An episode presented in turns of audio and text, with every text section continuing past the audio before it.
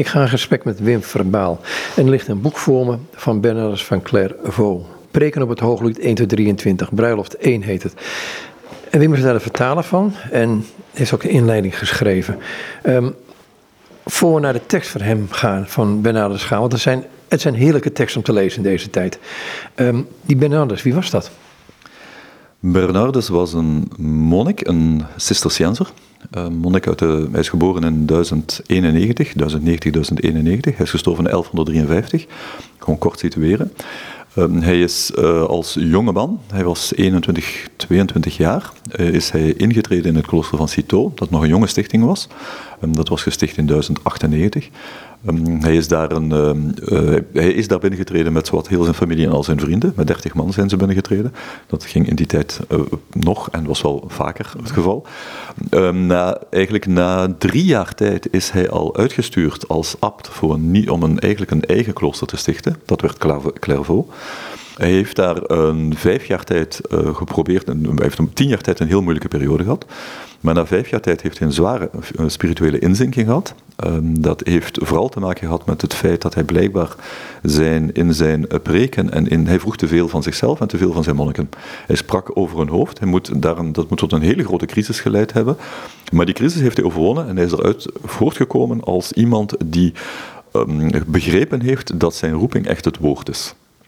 Hij heeft zich dan kunnen manifesteren um, als schrijver, wat niet evident is, dat moet ik direct zeggen, want um, de, die nieuwe orde wilde eigenlijk zich vooral concentreren op het contemplatieve en actieve leven, de combinatie van die twee, intern en niet naar buiten treden. Uh, Bernardus heeft geschreven als schrijver, hij is de eerste schrijver van de orde. En dat heeft hij alleen maar kunnen doen met toestemming van zijn abt, Stefan Harding, de, de abt van Citeaux, dus de, de, de generaal-abt. Um, en daarmee is eigenlijk de Cisterciënse literatuur begonnen. En dat is een, de, misschien wel de belangrijkste literatuur geweest van de 12e eeuw, zeker in spiritueel opzicht. Nou zijn dit preken over het hooglied. En wat mij altijd frappeerde toen ik het boek voor het eerst las was... hij gaat met naar drie versen toe, dacht ik, van het hooglied. Dus het is niet echt een, een exposé van het hooglied. En wat mij ook verbaast met hem is... Um, en dat had ik al bij het boekje Ommekeer van hem... dat zijn teksten zo... Um, het zijn wel 12e eeuwse teksten, maar ze zijn toch behoorlijk goed toegankelijk. Dat heeft er alles mee te maken dat Bernardus naar de mens toe gaat. Hij spreekt, nou, hij is een superpedagoog. Dat is eigenlijk het enige wat ik kan zeggen. Hij is een enorme pedagoog. Hij richt zich op mensen en hij probeert hen eigenlijk iets bij te brengen. Hij probeert hen op te voeden. Maar hij probeert hen op te voeden op een manier um, die niet eigenlijk te vergelijken is met de moderne opvoeding, die ook min of meer in die tijd begint. De belangrijkste grondlegger daarvan, of een van de belangrijkste grondleggers daarvan, moet ik zeggen, is zijn grote tegenstander, Petrus Abelardus. Um, zij stonden dichter bij elkaar dan men meestal wil doen geloven, want het waren gewoon twee grote pedagogen. Maar terwijl Abelardus zich richt op het, wat wij nog altijd onder onderwijs verstaan, eigenlijk kennisverwerving. Um, de, met, bij dat, in, met dat idee van als mensen iets weten, dan zijn ze op het goede spoor, heeft Bernardus is er altijd van uitgegaan dat dat niet voldoende is. Hij heeft een, op een van zijn traktaten schrijft hij heel nadrukkelijk van het is niet genoeg om iemand te wijzen waar hij naartoe moet als hij te moe is. Je moet hem er dan ook naartoe kunnen brengen. Het is niet voldoende om een blinde te wijzen waar hij naartoe moet, je moet hem begeleiden. Uh, dat is eigenlijk de Bernardus manier van, uh, van, van opvoeding. Een opvoeding die niet alleen het verstand eigenlijk die zich niet alleen op verstand richt, maar die zich ook richt op, voor Bernardus, de andere twee aspecten van het menselijk wezen, namelijk de wil in eerste instantie, de wil waar hij ook de liefde en de affecties aan koppelt, en de, het geheugen. Dat gezuiverd moet worden om eigenlijk op te kunnen komen, om, ze, om waar, waarachtig mens te kunnen zijn. De reden is daarvan heel, heel belangrijk. De reden is de sturende factor. De reden is de motor. Maar de wil is eigenlijk de, de benzine. En dus zonder benzine komt die motor niet op gang. En die, die, die, motor heeft, heeft het nodig eigenlijk om die, om die benzine te verwerken. Dus die wil is heel belangrijk. De, de interactie tussen reden en wil is bij Bernardus, Bernardus centraal. Zit ik er ver vanaf, of ga ik het zijstaat in als ik zeg dat dit een holistische benadering is, zoals wij dat tegenwoordig noemen? Ja, wij zouden dat nu tegenwoordig holistisch noemen. Uh, bij Bernardus gaat het dan nog een beetje verder, denk ik, in die zin, waarbij holistisch heb je nog altijd het idee van, je hebt als, uh, als onderwijzer, als docent, sta je tegenover iemand die je in zijn geheel wil vormen. Wat mij nu zo ontzettend aantrekt bij Bernardus, is dat het bij Bernardus gaat het over de ervaring, Het leren doe je door ervaring. Uh, het heeft totaal geen zin om iets te weten, zolang je het niet ook ervaren hebt, zolang je het niet geleefd hebt. Die ervaring is fundamenteel. En ervaring, dat, is, dat gaat verder dan het holistische. Want er komt iets bij. Daar komt namelijk de relatie bij. Er komt de interactie bij. Het, inter, het, is, een interactieve holistische benadering. Want het is holistisch eigenlijk, uh, het is Bernardus als pedagoog, met jou als lezer, of met zijn monniken natuurlijk in die tijd. Het is die relatie die eigenlijk het holisme is. Dus het gaat nog verder dan eigenlijk, het is niet alleen de mens die tegenover hem staat, nee, het is ook de mens in dialoog met hem als schrijver. Want we hebben het nu over hem als schrijver natuurlijk. Zo één tekst pakken, of één tekst, er mogen er wel meer zijn. Um, ja, ik kan ook het hele boek voorlezen, maar het lijkt me een beetje aanmatigend voor een uur. Ik denk dat we daar, dat gaan we niet, dat gaat me zelfs niet lukken eigenlijk, zelfs met mijn tempo van spreken, ga ik dat hele boek in een uur niet uitgelezen kunnen krijgen. Maar ik had ook gedacht inderdaad eigenlijk voor dit keer één, mij te concentreren op één tekst uh, en eigenlijk gewoon te laten zien, want dat is denk ik misschien een van de zaken die wij kwijt zijn tegenwoordig. Hè. Wij zijn in twee eeuwen lezen van literatuur, van fictie, van, uh, en zeker tegenwoordig, met, waar het lezen ook een heel groot stuk filmisch is geworden. Uh, wij lezen zoals we naar een film kijken, dus we consumeren veel meer de lectuur. Nu, Bernardus teksten zijn natuurlijk meditatieve teksten. Die zijn bedoeld voor meditatieve lectuur. Dus dat vraagt tijd. Dat vraagt aandacht. Dat vraagt, dat vraagt een, een heel traag tempo. Je kunt daar niet doorheen jagen. Als je daar doorheen jaagt, dan krijg je eigenlijk niks mee. Um, dan kun je wel gefrappeerd zijn door hier en daar een mooi beeld of door een mooie zegwijze. Maar dat is niet waarvoor hij het geschreven heeft. Zijn, we mogen de context niet vergeten waarin, ze, waarin ze tot stand zijn gekomen. Dat is de context van de klooster. Ehm, de monniken moeten meditatieve lectuur hebben. Ze moeten lectuur hebben waar ze mee bezig kunnen zijn. Dat is de bedoeling van deze teksten. En hij doet dat, hij vertrekt dus van de Bijbeltekst, het Hooglied, uh, dat hem gefascineerd heeft van in het begin. En dat ook een heel fascinerende tekst is natuurlijk. Ehm, en hij heeft, daar, heeft dat hooglied gebruikt eigenlijk puur om rond te mediteren. Hij gebruikt, de, de tekst die ik uitgekozen heb, de 15, ik heb die de, de, titel gegeven van De Naam. Het gaat over het derde vers van het eerste hoofdstuk. Uitgegoten, een fragment daarvan, uitgegoten olie is uw naam. Um, wel, de preek, deze preek 15 gaat eigenlijk vooral over het gieten. Wat betekent dat uitgieten? En wat, wat is een olie die je uitgiet? Wat betekent dat? En waarom wordt gesproken, waarom wordt de naam vergeleken met olie die je uitgiet? Nu, Bernard is daar maar over aan het mediteren, aan het mediteren, aan het mediteren. En de, deze preek past eigenlijk, hij begint eigenlijk met dat vers al in de vorige preek, in preek 14, en hij stopt er maar mee in preek 18. Dus hij blijft daar maar over bezig. Zoals inderdaad uh, uh, eigenlijk de eerste acht preken, eigenlijk de preken 2 tot, tot 9, die gaan over de kus. Dat is alleen maar over de kus. Hij, preekt maar, hij, hij mediteert maar verder over die, die kus. En dat heeft niet te maken met een soort van, hij, hij houdt zichzelf niet in, in, de, in het gareel. Integendeel, hij weet heel goed wat hij doet. Hij weet het op voorhand. We zullen dat ook zien, want je komt in preek 15 al verwij voor, verwijzingen naar preek 16 tegen. Um, eigenlijk aan de basis van deze vier, vijf preken, van 14 tot 18, ligt de parabel van de wijze en de domme meisjes. Um, dus de, de bruidegom die komt, die wachten op de olie. Um, waar Bernardus, dat is een van de elementen die ik, die ik eruit wil lichten, is van hoe gaat Bernardus met die verhalen om?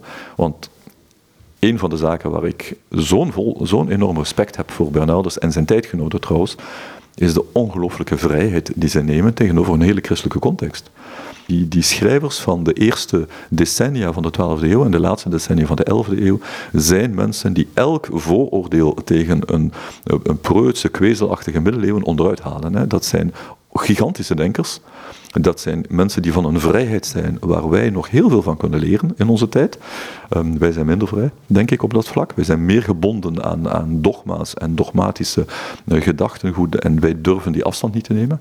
Um, Bernardus doet dat zonder de minste problemen, om dan toch uiteindelijk altijd weer teru terug te komen naar dat wat de orthodoxie is. En die bewegingen zijn, zijn fascinerend. Dat is fascinerend de naam heb je, je hebt de titel gegeven aan deze preek, de naam. Wat is een naam in zijn tijd?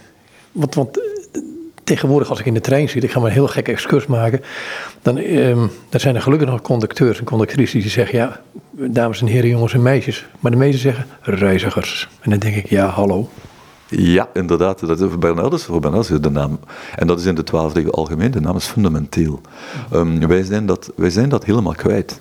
Dat is eigenlijk, en dat is niet alleen in, in de, het, het, vroege, vroege westerse denken, dat is eigenlijk in alle culturen. Er zijn zoveel culturen waar je van naam verandert op een bepaald moment in je leven. Omdat je een stap zet die betekent dat je gewoon eigenlijk, dat is een andere fase, daar past een andere naam bij. Um, ik weet dat sommige indianenculturen doen dat heel bewust. Dat je inderdaad, je, je wisselt van naam tijdens je leven. Dus je krijgt inderdaad andere namen mee. Um, en je kunt het eigenlijk al in het Gilgamesh-epos tegen, tegenkomen. Gilgamesh heeft een naam die betekenis heeft. En dat kom je in de, de Bijbel tegen. Het is niet voor niks. Adam geeft namen aan de dieren. En, en hij, waarom geeft hij namen aan de dieren? Omdat er wordt voor hem een gezel gezocht. En, die, en door die namen te geven, schept hij afstand en laat hij zien dat er eigenlijk geen gezel onder de dieren voor hem is. Het is de, het belang van hem, deze, deze preek gaat daar natuurlijk ook over. Bernardus besluit er ook mee als hij zegt van de Joodse overlevering, het Oude Testament, heeft verschillende Jezusen gekend. En Joshua, zoals we hem kennen, was natuurlijk ook een Jezus. Um, maar geen heeft de betekenis van die naam waar kunnen maken. En daarvoor moesten wij wachten op die ene Jezus. En dat, um, dat heeft dat is eigenlijk de betekenis. Het wil ook niet zeggen dat iedereen natuurlijk zijn naam kan vervullen, maar je moet weten dat de vervulling van je naam dan je misschien te boven gaat en dat die voor iemand anders moet zijn.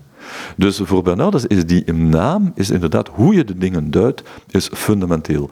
Um, dat is, het gevaar daarmee is dat we denken van als je het, als je het kunt benoemen, is het er. Maar dat is het niet. Het is niet zozeer dat eigenlijk de, de, het woord macht heeft over de dingen. Het is ook daar weer de interactie tussen de twee. Het woord heeft een betekenis en die betekenis bepaalt hoe je in het leven staat. Bepaalt hoe datgene wat je benoemt in het leven staat. Maar bepaalt ook jouw invulling van die, van die naam. Dus de naam is inderdaad een fundamenteel gegeven. In dat blijkt al natuurlijk, op de, de keuze van de, de naam is heel belangrijk bij Bernardus ook. Clairvaux, Clara Vallis, het is de heldere vallei. Um, waarbij graag wordt gezegd dat het voordien de absint, de vallei van de absinten heet, omdat er zoveel onkruid groeide. En men zegt ook omdat er daar eigenlijk uh, uh, veel rovers zaten en zo. Dat, dat zijn dan de typische legendes die zo'n uh, kloosterstichting omgeven. Maar het wordt inderdaad, voor Bernardus is die naam heel belangrijk. Terwijl bijvoorbeeld Citeaux dat nog duidelijk niet zo was. Citeaux is genoemd naar de naam die de plaats al had. Maar de, de stichtingen die na Bernardus eigenlijk uh, tot stand komen, en vooral onder zijn impact, die hebben altijd sprekende namen. Ik heb de neiging nog een excursie te maken naar um, het woord. Hè? Zeg je dat is levend dan, als ik het goed begrijp van jou? Dat is in relatie met, eh, maar het woord filologisch kan alleen maar één betekenis hebben, dat is het woord. Dat is niet zo helemaal het geval, denk ik. Het woord, in de, dat is ook een van de dingen die wij kwijt zijn. Um, het woord voor Bernard heeft altijd twee betekenissen. Uh, minstens. Het woord heeft natuurlijk het, gewone, laten we zeggen, de lexicale betekenis, die je opzoekt in het woordenboek. En dat is eigenlijk de eerste betekenis die je hebt. Maar het woord is natuurlijk ook altijd een afgeleide van dat ene woord, het goddelijke woord.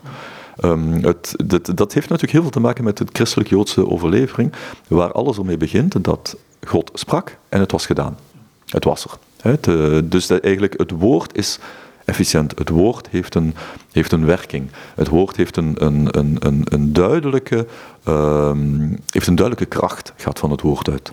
Um, die scheppende kracht van het woord, dat is eigenlijk, die zit in alle woorden. Want alle woorden zijn op een of andere manier afgeleid van dat eerste woord. Van het eerste en enige woord.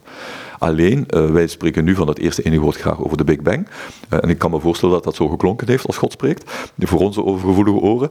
Maar het is natuurlijk eigenlijk is het heel opvallend dat we zelfs daar niet aan ontkomen aan het basisgedachte van dat er eigenlijk blijkbaar in het eerste een klank moet zijn geweest die dan die dan iets creëert. Dat is eigenlijk een, een, een, een, zaak waar we mee te maken hebben. Nu, bij Bernardus speelt dat eigenlijk in alle woorden mee. Elk woord, en natuurlijk vooral de cruciale woorden, waar hij dan ook de hele tijd op terugkomt, de cruciale woorden hebben een scheppende kracht. Die, die hebben een werking. En die werkende kracht, die wil hij doen ja, die doen uitwerken. Om, ik, weet, ben mezelf een beetje aan het herhalen, maar hij wil de, de, de efficiëntie van bewerken. Wat alleen maar kan als de andere kant natuurlijk open staat voor, de, voor dat woord. En daar komt dan de holistische benadering, de, zoals je dat noemt, holistische, maar dan die relationele holistische. Je kunt niets doen, je woord stuit af op een hart, dat, of op een oor, of op, een, op een, een geest, of een ziel, of hoe je het ook wil noemen, op een mens, die het niet toelaat. En dan is de werking van het woord, dan kan het niet werken. Maar dat zegt meer over de ander dan over het woord. Kun je het woord dan vereenzelvigen met Jezus Christus zelf? Uh, voor, de, voor Bernardus is dat zeker het geval. Het, het ene woord natuurlijk, het goddelijke woord. Dus uh, voor Bernardus is dat zeker. Dat werkende woord is, uh, is Christus, omdat ehm, Christus is natuurlijk ook het, het, levende woord van God geworden. En wat natuurlijk vooral betekent dat hij geleefd heeft wat het woord van God is. Dat wil zeggen, zoals de Bijbel, eigenlijk het Oude Testament, het heeft voorgeschreven, zo heeft Christus het geleefd. Maar dat betekent niet dat hij, dat is ook het fantastische natuurlijk, hij heeft niet het woord genomen als het criterium, het woord van de Bijbel, waar hij zijn leven aan heeft aangepast. Hij heeft ook laten zien hoe je dat woord kunt invullen. En hoe je dat woord levend kunt maken. En dat het niet in, het zit wel in stenen gebeiteld, maar wat er in stenen gebeiteld staat is zo sumier en zo algemeen, dat je daar een invulling aan geven die niet meer van steen is. Zullen we de tekst gaan? Anders zijn we eh, zo door de tekst heen zonder dat we de tekst gelezen hebben. Juist, dat denk ik ook, inderdaad. Goed, ik stel voor eigenlijk, ik ga misschien een paar dingen eerst op voorhand zeggen. Dus ik, ga, ik beschouw het als meditatieve lectuur. Dus dat is een lectuur die heel langzaam gaat. Ik denk niet dat ik de hele preek gelezen ga krijgen, ik zeg dat direct. Ik ga een aantal elementen, daar ga ik duidelijk op wijzen. De preek gaat dus inderdaad over dat vers, uitgegoten olie is je naam. Um, het gaat dus vooral over uitgieten en over olie. De eerste helft gaat over uitgieten, gieten, uitgieten, vergieten. Ik kom daar nog even op terug dadelijk. Um, de tweede helft gaat over olie. En waarom het olie is die uitgegoten wordt en waarom olie met een naam wordt vergeleken. Nu, die naam komt de, de hele, de hele preek door, voort, dus daar gaat het eigenlijk niet om. Ik zal er hier en daar op stilstaan dat hij dus inderdaad een, een, um, een, een, eigenlijk zich baseert op de parabel van de, van de wijze en de domme, van de slimme en de domme meisjes. Ik zal nog laten zien hoe hij dat eigenlijk compleet omkeert. Tegelijkertijd vermengt hij dat met de, de, de verloren zoon, en vooral de broer, de oudste broer. Um, en niet alleen dat, hij haalt er dan ook nog eens een keer de, de parabel van de, van de slechte knecht bij, uh, dus van de talenten. Um, dus eigenlijk die drie parabels verwerkt hij eigenlijk tot één geheel, waarbij in deze preek vooral die meisjes centraal staan en, hier, en die andere twee een beetje terloops terechtkomen. Die komen dan later terug. Die kwamen ook al vroeger terug, maar die komen dan later komen die wat meer naar voren. Dus dat is één van de elementen. Een ander element waar ik op moet wijzen op voorhand is en dat uh, Bernardus schrijft in, kringcomposities, in cirkelcomposities. Uh, we zullen, de centraal staat een hymne op de naam van Christus. Dat is midden in de preek. Maar we zullen zien dat hij aan het begin, aan het eind, herneemt hij dingen die in het begin zijn gekomen. Ik zal er wel op wijzen. Typisch voor de manier van schrijven van Bernardus ook, is dat hij soms een bijbelcatena heeft, eh, zoals dat heeft. Een aaneenschakeling van bijbelcitaten, um, waarbij, je soms, waarbij je eigenlijk als lezer de draad kwijtraakt. Ik zeg dat direct, dus je moet het ook niet proberen van wat, wat, wat doe je daar nu mee. Um, dat, is niet, dat is niet de bedoeling dat je de, de draad kwijtraakt, maar het is wel de bedoeling om je een beetje duizelig te maken. En eigenlijk om je, het is ook niet bedoeld als, om je te overstelpen met autoriteiten. Het is eerder om de basis leesmethode van Bernardus eigenlijk toe te lichten. En dat is een leesmethode die heel retorisch is, en dat wil zeggen heel erg associatief gebeuren. De associatief niet op het gevoel, maar associatief op het, op het verstand. Dus het ene citaat roept een ander citaat op, maar niet zomaar. Bernardus stuurt dat heel duidelijk dus dat is eigenlijk heel belangrijk wat, wat hij doet. En dan, wat, waarom, ik deze, deze tekst ook, ehm, waarom ik ook voor deze tekst gekozen heb uiteindelijk, is ook omdat we te maken hebben hier met een paar hele mooie passages waar Bernardus zelf spreekt. Waar hij het, het ik eigenlijk aan het woord laat komen, waarbij je nooit mag denken dat Bernardus zelf is die spreekt. Uh, dat zal ook direct blijken. In al de passages wordt er naar die ik toegewerkt. Het gaat over zij, het gaat over wij, het gaat over jij, en aan het eind komt dan een ik. Dus het is heel duidelijk eigenlijk dat hij die ik verwoordt eigenlijk wat hij in jou als lezer wil horen, de reactie. Goed, laten we beginnen. Ik neem eerst, ik ga niet alle tussentitels uh, erbij nemen, maar ik begin gewoon met de opening. De opening van de, uh, van de preek. Ik zeg het direct, begin met een bijbelcitaat. Mild is de geest van de wijsheid. En hij is meestal niet moeilijk voor wie hem aanroepen. Vaak zegt hij, zelfs voordat hij wordt aangeroepen, hier ben ik. Luister dus naar wat hij op jullie gebed, door mijn bemiddeling, wil uitleggen over het onderwerp dat we gisteren om deze reden hebben uitgesteld. Neem de rijpe vrucht van jullie gebeden in ontvangst. Ik geef aan welke naam terecht met olie vergeleken wordt en zal vervolgens zeggen waarom dit terecht is. Opening. Dat is eigenlijk gewoon een, typische opening, maar het is een typische Bernardus opening. Ten eerste, je hebt hier alles. Het is traditioneel natuurlijk van opening. Je hebt hier de link naar de voorgaande preek. Je hebt hier het, uh, het onderwerp, welke naam terecht met olie vergeleken worden en waarom dit terecht is. Um, dat is eigenlijk het, het, onderwerp dat hij aankondigt en waar hij het pas heel laat over gaat hebben. Dus dat zal niet zo, rap, dat zal niet zo snel zijn. Um, en dan eigenlijk, hij begint, en dat is altijd belangrijk, zijn openingswoorden zijn fundamenteel. Mild is de geest van de wijsheid. Dat is heel belangrijk, want hij zal het hebben over mildheid. En dat vooral dan eigenlijk in de volgende preek. Hij zal het hebben over de geest. Dat zal in de twee preken daarna, 17 en 18, komen. En in deze preek staat de wijsheid centraal. De wijsheid, daar gaat het om. Hij zal dat beeld ook een keer oproepen later. Uh, halverwege de preek ongeveer heeft hij het opeens over de wijsheid. Uh, wat, wat mij ook opvalt, sorry ik je in de reden val, is van... Vaak zegt hij, zelfs voordat hij wordt aangeroepen, hier ben ik. Ja, ik vertaal het soms voor mezelf van, op het moment dat ik in mijn hulpeloosheid naar God roep, help, dan is het al een respons op ja, hij is er inderdaad. Hij is er altijd. Hij is er altijd. En dat is eigenlijk, dat is ook wel heel belangrijk wat Bernardus hier wil laten zeggen. Hij komt er heel vaak op terug, hè, op die, die, die passage, hier ben ik. Nog voor hij wordt aangeroepen, zegt hij al, hier ben ik. Ehm, dat heeft ermee te maken dat je als, dat heeft met die openheid waar ik het er net over, eh, net over had. Ehm, het woord kan maar werken als iemand zich openstelt voor het woord. Maar iemand die zich openstelt, kan zich maar openstellen doordat God er al is. Kan zich maar openstellen voor het woord van God als God er al is. En dat is de, de, de, het cruciale punt. Iemand die getroffen wordt door het woord van Bernardus, moet beseffen dat hij getroffen wordt omdat er eigenlijk, wat Bernardus zegt, al in hem aanwezig is. Hij zegt dat ergens op een heel mooie manier. Hij zegt eigenlijk het, het, het verlangen het verlangen dat wij koesteren, en dat is natuurlijk heel belangrijk bij Bernardus, je verlangt eigenlijk om iets te bereiken. Nu, dat verlangen, vooral het verlangen naar God, verraadt dat wij God al kennen. Want als je God niet kent, kun je niet naar hem verlangen. En dat is eigenlijk dus, alles begint daarmee. En dan vraag je gewoon, wat is de mens dan nog? Nu, de mens, van de mens wordt nu juist die reactie verwacht. Er wordt nu juist eigenlijk de hele tijd die dialoog verwacht. En dat is denk ik compleet antimodern. Het is niet het ik en het individu waar het om gaat. Nee, het is altijd het ik in relatie en verhouding tot de ander. Je bent een, maar een ik door die verhouding met de ander. En dus inderdaad niet het opgesloten zijn in jezelf, op, voor jezelf en eigenlijk weg van de anderen. Nee, het is nu juist die relatie met anderen en met die ene ander, die maakt dat je iemand kunt zijn. En dat, dat is wat hij eigenlijk zegt met die zin, hier ben ik. Goed, we gaan verder. Dus dat is eigenlijk de, de open. Misschien ook nog even dit te zeggen, wat je hier ook heel duidelijk in deze, wat ook heel belangrijk is in deze openingsparagraaf. Hij zegt dus, luister naar wat hij op jullie gebed door mijn bemiddeling wil uitleggen over het onderwerp dat we hierom hebben uitgesteld. Met andere woorden, ik spreek, maar kan alleen maar spreken, zegt Bernardus, omdat jullie gebeden hebben. Jullie hebben gebeden tot God, zodat Hij geeft wat ik kan zeggen. En daar voel je opnieuw dat enorme relatie. Die driehoek, je voelt eigenlijk hoe het een niet zonder het ander kan. En dus zegt hij, daardoor neem de rijpe vrucht van jullie gebeden in ontvangst. Dus eigenlijk, je krijgt alleen terug wat je zelf gevraagd hebt.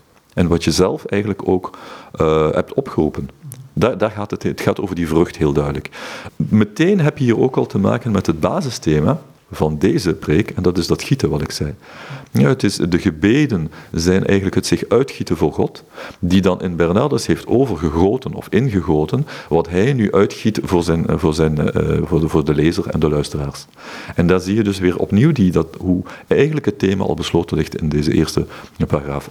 En je met deze eerste paragraaf eigenlijk al kunt volstaan. Maar goed. Dit, dit, er zit ook iets, iets, iets moois in. Ja, sorry hoor. Ik denk dat dit, dat dit twee uitzendingen gaan worden, ben ik bang voor. Maar goed.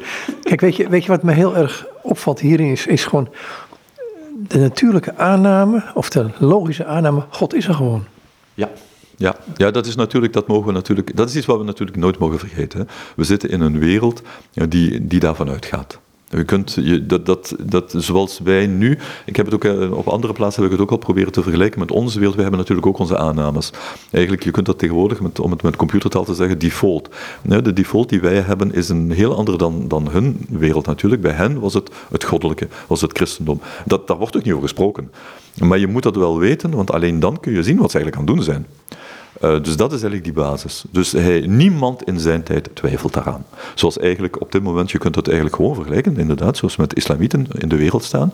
Er is niemand, die, geen enkele islamiet die twijfelt aan het bestaan van Allah.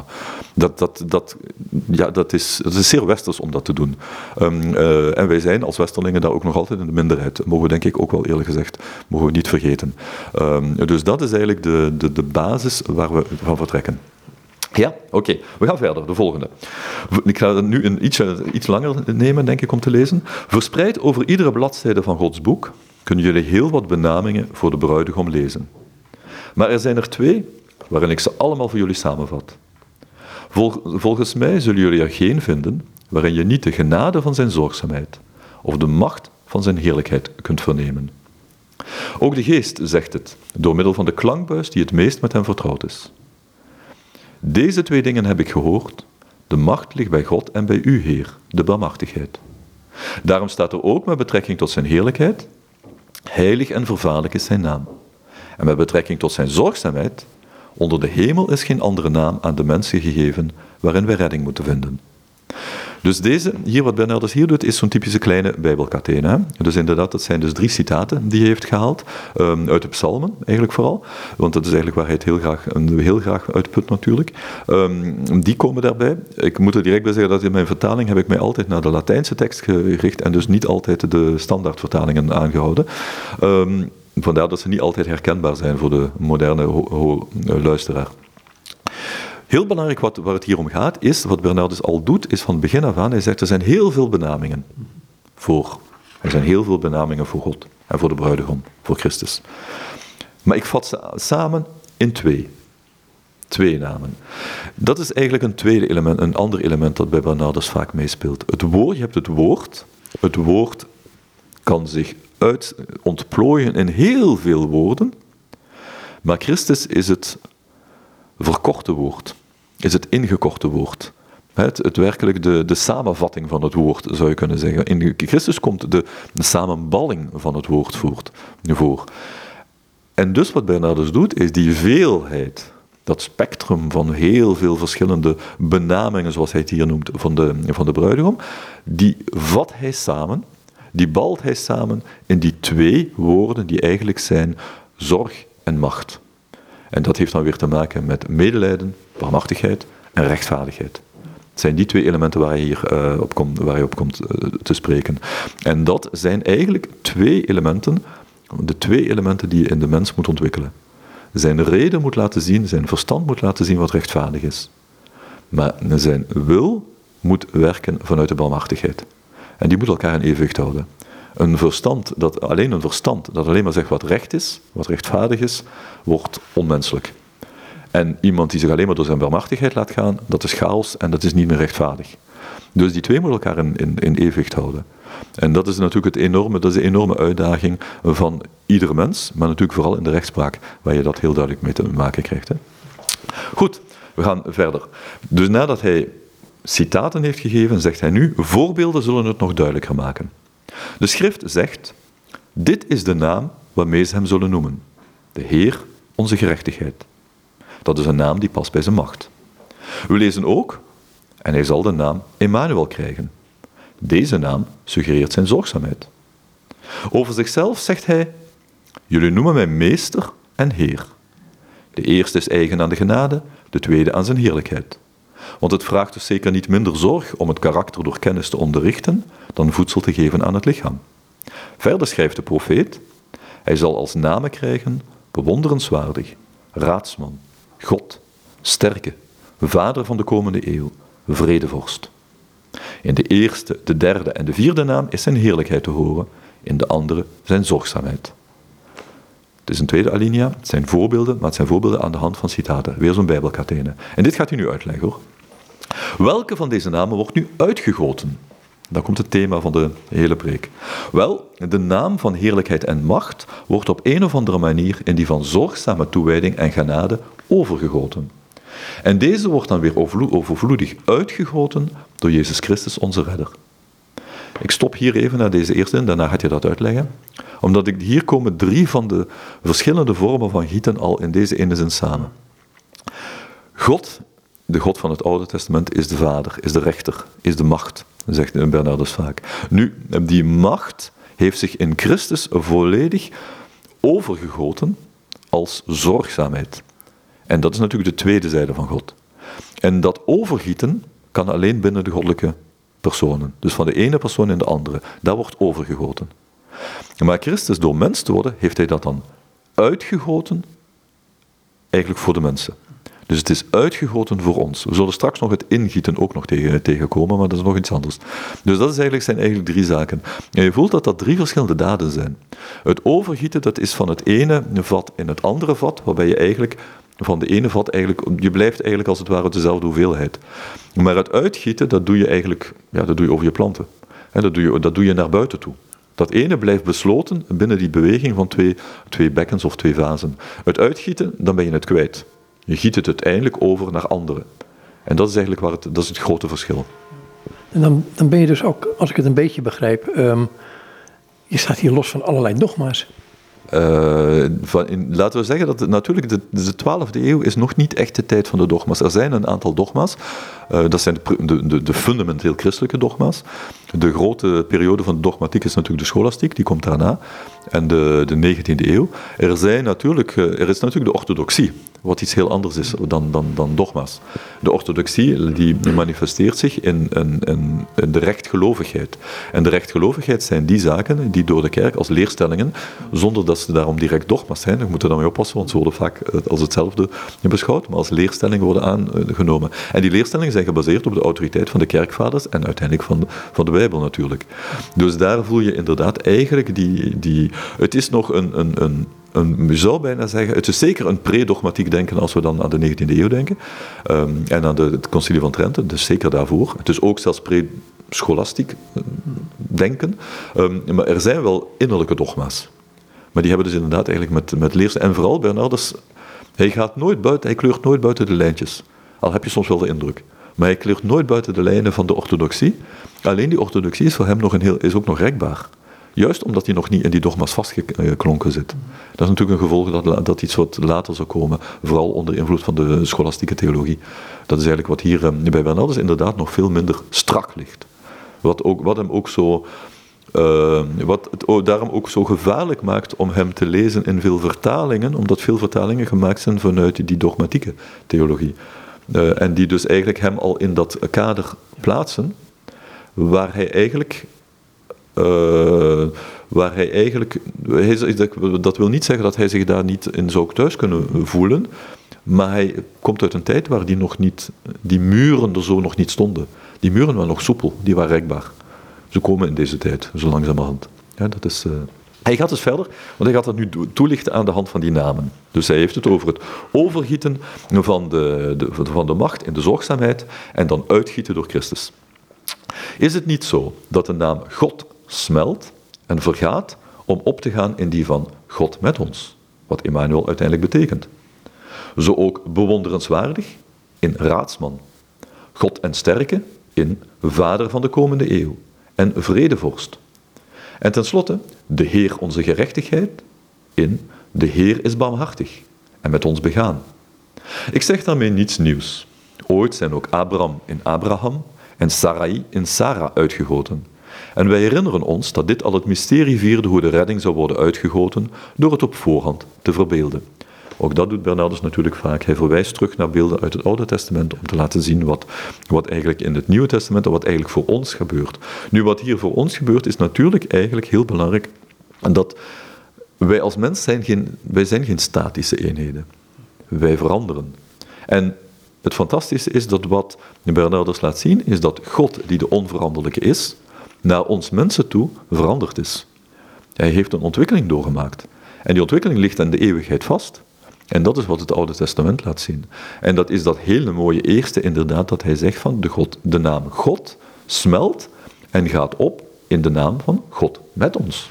Het is maar heel klein, maar het is wel een, fundamentele, een heel fundamentele uh, verschil waar we mee te maken hebben. Het is een heel ander godsbeeld dat je dan krijgt. En dat gaat natuurlijk hier inderdaad eigenlijk, dat is de, de Joodse ontwikkeling die, zich hier af, die, zich hier, die hij hier afschildert, maar die natuurlijk voor Bernardus alle betekenis heeft voor ons. Waar zijn nu de donderende woorden die bij de ouden even vaak als vervaarlijk weer klonken. Ik ben de Heer, ik ben de Heer. Mij klinkt een gebed in de oren dat begint met de zachte naam van Vader. En daarmee het vertrouwen wekt dat wat daarna als verzoek volgt, ook ingewilligd wordt. Knechten worden vrienden genoemd. En de verrijzenis wordt niet meer aan leerlingen, maar aan broeders gemeld.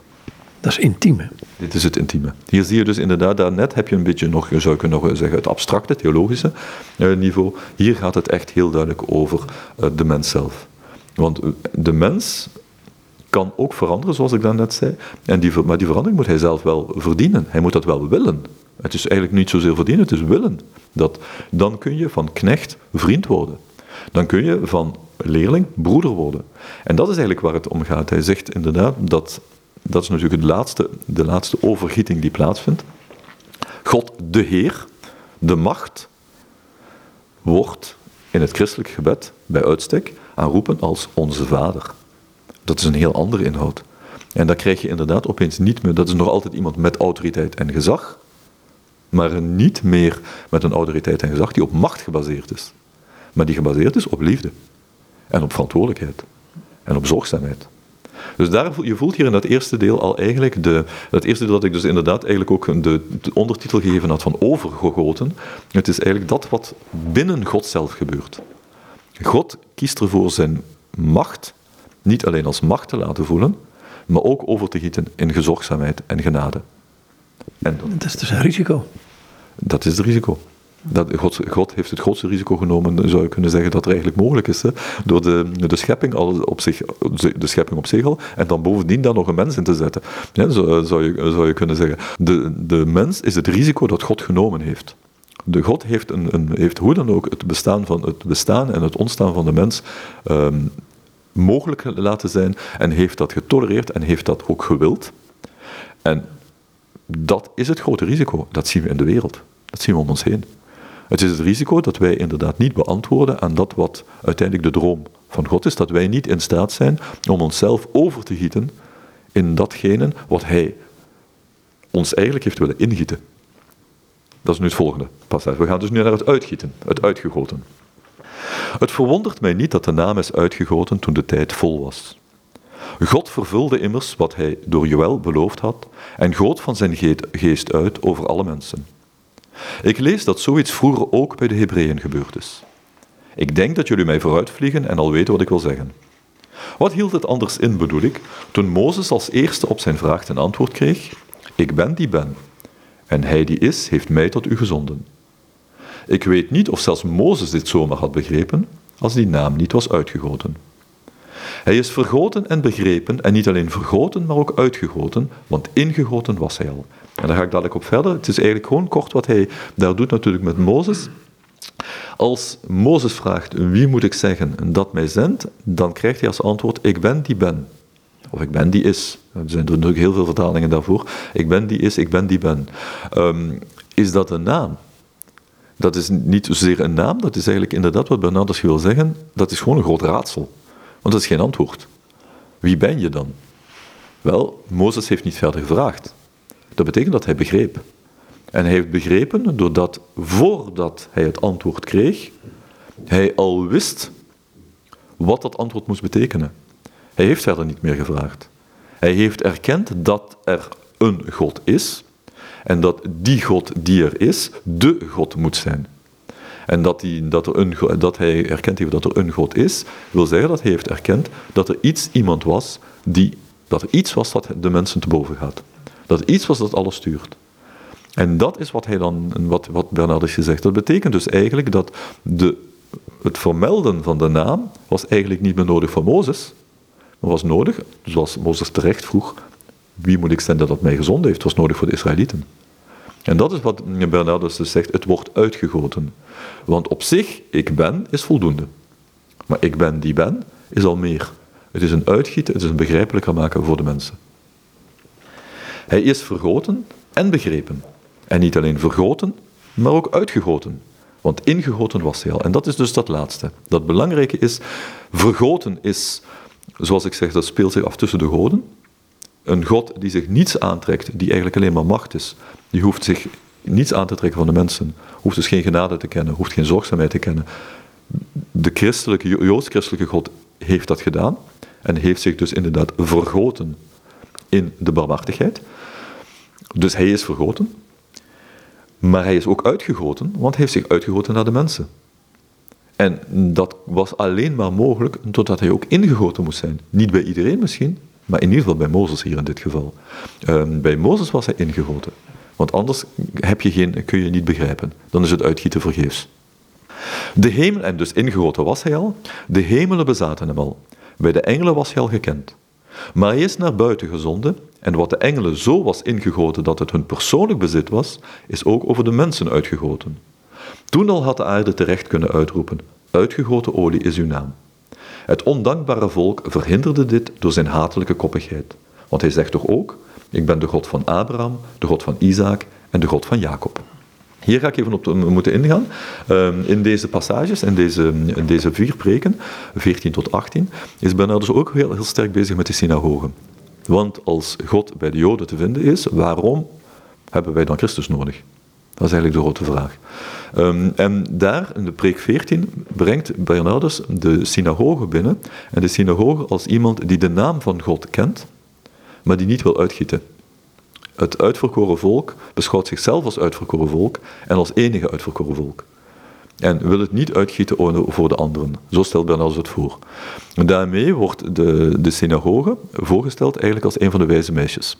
Die wel olie heeft, maar het niet wil delen met de domme meisjes. En dat is wat Bernardus dus heel vreemd doet. Hij draait de situatie om. De wijze meisjes worden opeens de gierige meisjes. Worden de meisjes die eigenlijk niet voldoen aan dat wat wij als mensen, of wat wij menselijk beschouwen. En daarop zinspeelt hij hier, als hij, zin, uh, als hij zegt, het ondankbare volk verhindert dit door zijn hatelijke koppigheid, omdat het erop van uitgaat dat God de God is van Abraham, van Isaac en van Jacob. Dus alleen van het verkoren volk, zegt hij. Nu, en daar gaat Bernardus nu op verder. Want het moet verder. God uitgieten is niet uitgieten en om het ingegoten te hebben in één vat. God wil uitgieten dat het over de hele wereld stroomt. En dat is eigenlijk vandaar dat beeld dat hij begint van, hij is van God heeft zich eerst uitgegoten in de hemel, in de engelen, maar het wordt altijd verder. Het wordt een, een waterval van, van uitgieten dat komt, want heel de wereld wordt doordrenkt, is doordrenkt met God. En heel de wereld moet hem dan ook kennen. En daar is eigenlijk waar het eh, nu om gaat, want dat is natuurlijk het grote probleem. Ja. Dat, dat kan je natuurlijk ook projecteren op de kerk tegenwoordig. Of tegenwoordig, door de tijden heen, die heel explosief geweest is in sommige tijden. Heel veel. Ja, dat is eigenlijk, en misschien is dat wel een beetje eigenlijk aan alle kerken en alle godsdiensten voor een beetje, uh, dat ze het gevaar hebben van exclusief te zijn. Uh, hoewel natuurlijk de katholieke kerk nog altijd katholiek heet en wat natuurlijk eigenlijk betekent universeel. Hè, dus eigenlijk inclusief, in de naam zegt dat ze inclusief is. Het christendom natuurlijk in wezen compleet inclusief is. Uh, dat is dat in de evangelies en Paulus laten dat heel nadrukkelijk zien. Um, maar je voelt het inderdaad een, een gevaar voor het, uh, wat we daarnet zeiden, ook met, die, met dat, dogmatische. Het heeft natuurlijk ook te maken met een soort van, van zelfbehoud en ook een soort van, van concentratie. Wil je jezelf niet verliezen, want dat is iets waar Bernardus ook in deze preken op terugkomt, in de volgende dan, is je moet wel eerst vol zijn voordat je kunt uitgieten. Je moet je niet, hij zegt, het is, je moet niet een, een buis zijn waar het water ingaat, maar ook direct weer uitgaat. Nee, je moet een bekken zijn. Het moet eerst vol stromen om dan leeg te stromen. Dan kun je pas uitgieten. Voor de mensen geldt dat en daar zit je natuurlijk met het, het punt van dat evenwicht te zoeken is natuurlijk moeilijk als mens en als instelling zeker. die, daar gaat het eigenlijk ook helemaal. God heeft daar geen probleem mee. God is volheid op zich. Dus kan alleen maar uitgieten eigenlijk. Hij hoeft niet volgegoten te worden. We gaan met het volgende stukje verder. Dus nadat uh, Bernardus verwezen heeft naar de, de, de, de Joodse, uh, wat hij dus zegt, de, de, de koppigheid van de synagogen, zegt hij nu Volkeren haast jullie hierin. Dus een, puur, dat is eigenlijk gewoon een, een, een citaat dat wel vaker voorkomt. Hè? Volkeren haast jullie hierin. De redding ligt binnen handbereik. Uitgegoten is de naam die iedereen zal redden wie hem aanroept. De God van de engelen noemt zich ook God van de mensen. Olie zond hij naar Jacob en zij viel neer op Israël. Zeggen jullie broers, geef ons van jullie olie ik vind het hier heel mooi. Daarnet heb je dus, ik vind dat eigenlijk heel mooi. De, de, verhouding van Bernardus tot het Jodendom is heel gecompliceerd, maar is heel mooi. Hij heeft kritiek, uh, en daar moeten wij tegenwoordig altijd een beetje mee oppassen, want het kan nogal snel als kritiek op het Jodendom worden gevoeld in zich, wat niet het geval is. Uh, ik heb er al vaak op gewezen dat Bernardus heeft uh, heel duidelijk, heel nadrukkelijk de jodenpogroms ten tijde van de Tweede Kruistocht heeft hij bestreden en tegengehouden. Dus daar gaat het niet om. Voor Bernardus is dat heel belangrijk te beseffen dat het jodendom de broer is van het christendom. Daarom zegt hij van, zeg aan jullie broers. En die broers, dat zijn de Joden. Want zij zijn het uitverkoren volk. Hij zal dat nooit ontkennen. Zij zijn het uitverkoren volk, want zij zijn uitgekozen door God om, zoals hij hier staat, de naam te ontvangen. De naam is uitgegoten. Uitgegoten eerst over de engelen, dan over de mensen, maar in eerste instantie op Jacob en dan op Israël. Dus het, wordt eigenlijk, het gaat altijd breder. Het punt waar het om gaat bij Bernardus is, een uitverkoren volk moet het uitstralen. Het moet verder gaan. Als zij niet willen, zegt hij dan ook, als zij het niet willen geven dus, vraag dan de Heer van de olie dat hij jullie wat stuurt. Zeg hem, neem de schande van ons weg. Ik vraag het u, sta niet toe dat iemand met kwade wil uw geliefde beledigt. U hebt haar willen roepen van de uiterste randen van de aarde. Zo was het niet waard, en toch vond u het niet beneden uw waardigheid. Ik smeek het u, mag een slechte knecht buitensluiten, wie de Heer des huizes in zijn mildheid heeft uitgenodigd? U zegt, ik ben de God van Abraham, de God van Isaac en de God van Jacob. Niet meer? Giet toch uit, giet toch uit. Open uw hand nogmaals en vervul al wat leeft met uw zegen. Ik vind dat, hier je, zie je heel duidelijk. Je krijgt hier die twee parabels die door elkaar spelen, drie parabels. Dus zeg aan jullie broers, geef ons van jullie olie. Daar speelt natuurlijk ook het beeld van de broer van de verloren zoon mee. Um, Tegelijkertijd zegt hij, als ze het niet willen geven, dat zijn de wijze meisjes die het niet willen geven. Zeg dan aan de heer van de olie zelf, doe het, doe, doe het, doet u het, geef, schenkt u ons de olie. Met andere woorden, de bruidegom wordt hier gevraagd door de domme meisjes, niet sluit ons niet buiten, nee, zegt geef ons de olie, geef gij ons de olie wordt hier gezegd. De hele parabel wordt op zijn kop gezet. En daarmee eigenlijk, hè, die wijze meisjes zijn dan uiteindelijk de meisjes die met de broer buiten blijven staan. Dan zegt hij nog een beetje verder, een slechte knecht, dat is dus een slechte knecht van de talenten, die mag toch niet buitensluiten wie je nu net geroepen hebt. Want je roept ons van, alle, van overal. Het uitverkoren volk, God in, in, het, eh, in de persoon van het uitverkoren volk, roept de hele wereld. Zoals dat bij de profeten staat te lezen. Dus wij moeten komen. Dan mag geen slechte knecht ons buitensluiten. De drie parabels worden hier samengevoegd, maar ze worden eigenlijk op, kop, op een kop gezet.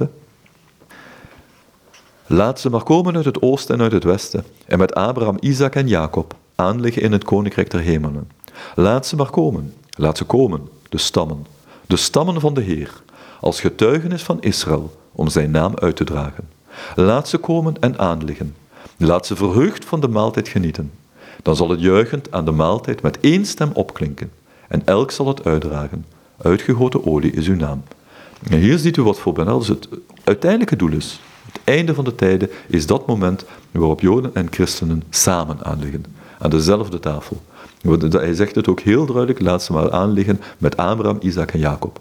Laat ze samen aanliggen. Dat zegt hij ook op, bij de Jodenprogramma's, om die te bestrijden, zegt hij ook. Wat, hoe, hoe kan ooit het Rijk der Hemelen komen als wij de Joden opruimen, als wij hen doden, terwijl het Rijk alleen maar zou komen als wij met hen verenigd worden? Dat is eigenlijk wat hij heel duidelijk zegt. En dat geeft hij hier heel mooi weer, vind ik. Eén ding weet ik wel. Als wij Andreas en Filippus als de portiers treffen, hoeven we niet bang te zijn dat ze ons buiten zetten. Wanneer elk van ons om olie vraagt, elk van ons Jezus wil zien. Zonder aarzelen zal Filippus het aan Andreas zeggen. En Andreas en Filippus zeggen het Jezus. En hoe zal Jezus reageren? Natuurlijk zegt Jezus. Als een graankorrel niet in de aarde valt en sterft, blijft hij alleen. Maar als hij sterft, draagt hij veel vrucht. Ik heb daar lang over, dat is ook een typische Bernardische uh, passage. Dan krijgt hij natuurlijk om te beginnen een heel mooi beeld. Laten we het maar vragen aan Andreas en Filippus. Die zullen het aan elkaar overgieten, bij wijze van spreken. Als wij het ons uitgieten voor hen, zullen zij het overgieten en zullen ze bij, bij Christus komen. En hoe zal Christus reageren? Hij zal zeggen, als een graankorrel niet sterft, dan blijft hij alleen. De vraag die je dan kunt stellen, wat, wat is dat van antwoord? Wel, natuurlijk zijn de heidenen en de, de, de niet-Joden waren maar welkom na de dood van Christus. Christus moest sterven om hen te roepen. Dat is eigenlijk de voorwaarde. Als was Christus niet gestorven, dan had hij de heiden niet kunnen roepen. dan was het christendom niet wereldwijd kunnen worden. Dan was het een Joodse zaak gebleven. En dat is, wat, dat is de, de reden van het antwoord. De dood van Christus maakt dat wij het recht hebben om binnen te komen, zegt Bernardus hier. Laat de graankool dus maar sterven en de volkeren opkomen als haar oogst. Christus moet lijden en uit de doden opstaan. En in zijn naam moet niet alleen Juda, maar moeten alle volkeren opgeroepen worden om tot inkeer te komen en vergiffenis voor de zonde te verkrijgen. Dan zullen naar één enkele naam, die van Christus, de gezalfde, duizenden en duizenden gelovigen zich christenen noemen en zeggen, uitgegoten olie is uw naam. Hier is dat natuurlijk heel mooi, want hier gaat het natuurlijk over wat de naam is. Christus, en dat is wat Bernardus natuurlijk speelt, wij noemen ons christenen. Maar in hoeverre zijn wij christenen? En daar komt dat betekenis van de naam waar ik daar straks naar verwees. Je mag je niet zomaar christen noemen. Je mag je christen noemen als je inderdaad naar Christus kijkt, als je zo wilt leven. Dus als je inderdaad dat woord van God wil leven. Als je dat levende woord wilt navolgen. Daar, daar gaat het eigenlijk om. Kun je jezelf overgieten in die naam? Ik ga nog verder. Ja, ik herken de naam die ik bij Jezaja heb gelezen. Zijn knechten zal hij met een andere naam noemen.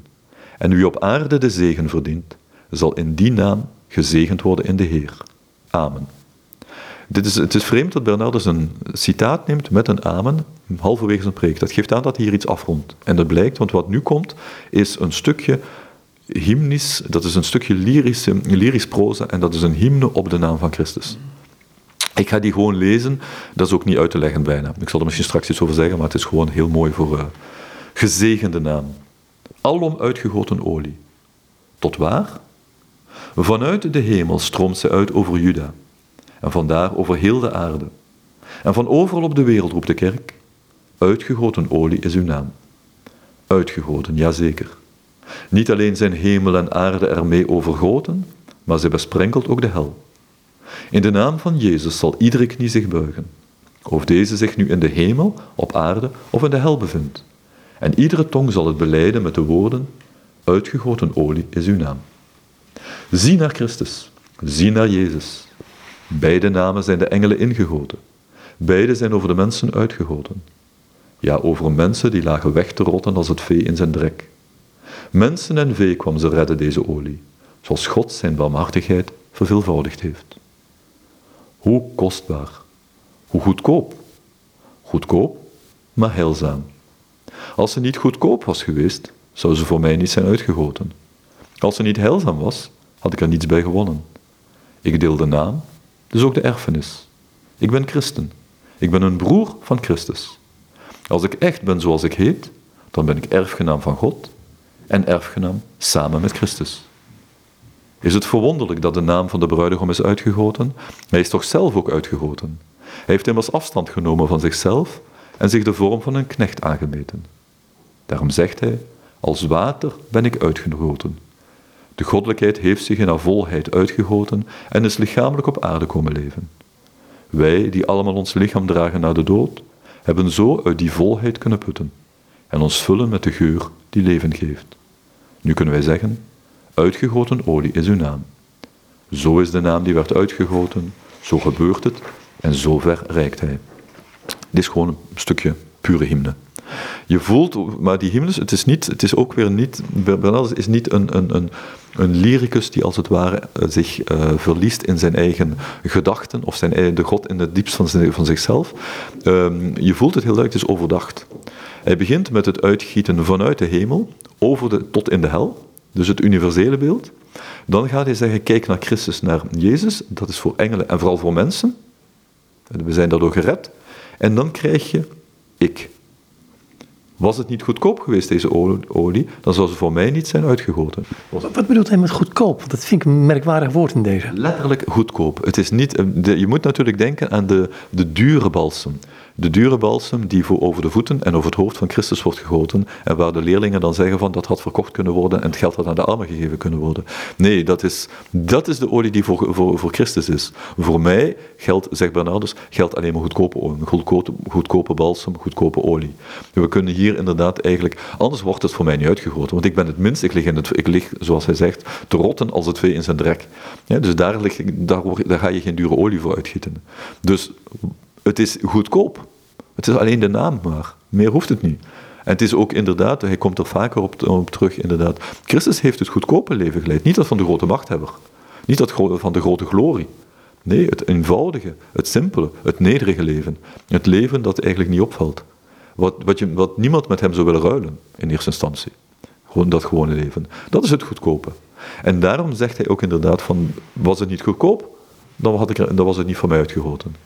En was het niet heilzaam, dan had ik er niks aan gehad. En zo gaat hij dan verder met ik deel de naam. Ik ben Christus, ik ben een broer van Christus. Dus hij is niet alleen een broer, we zijn niet alleen broers van de Joden, we zijn ook een, door christenen zijn we ook een broer van Christus. En dat maakt het kleine verschil. Daarmee ben ik de broer eigenlijk van de verloren zoon, zou je bijna kunnen zeggen.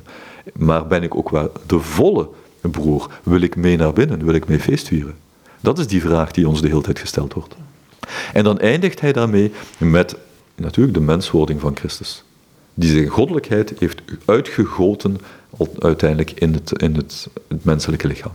Zo krijg je dus inderdaad van het universum naar de, naar de persoon die de persoon die Bernardus zelf is, die de lezer is, op terug naar het goddelijke mysterie van de menswording. Ik wou het voor deze keer hierbij laten. Um, dank je zo wel zover, maar we gaan nog verder uh, in deze uh, preek. Um, maar voor dit moment dank je wel. Graag gedaan. En dit zei Wim Verbaal. En met hem sprak ik aan de hand van Bernardus van Clairvaux, het boek Bruiloft 1, Beken op Hooglied 1 tot 23. En we waren bezig in preek 15. Hier ga ik met hem over verder. Um, dan gaan we naar het vergieten, het vergoten worden. Ik vergat trouwens te zeggen dat dit boek is uitgegeven, uitgegeven in Damon in Eindhoven.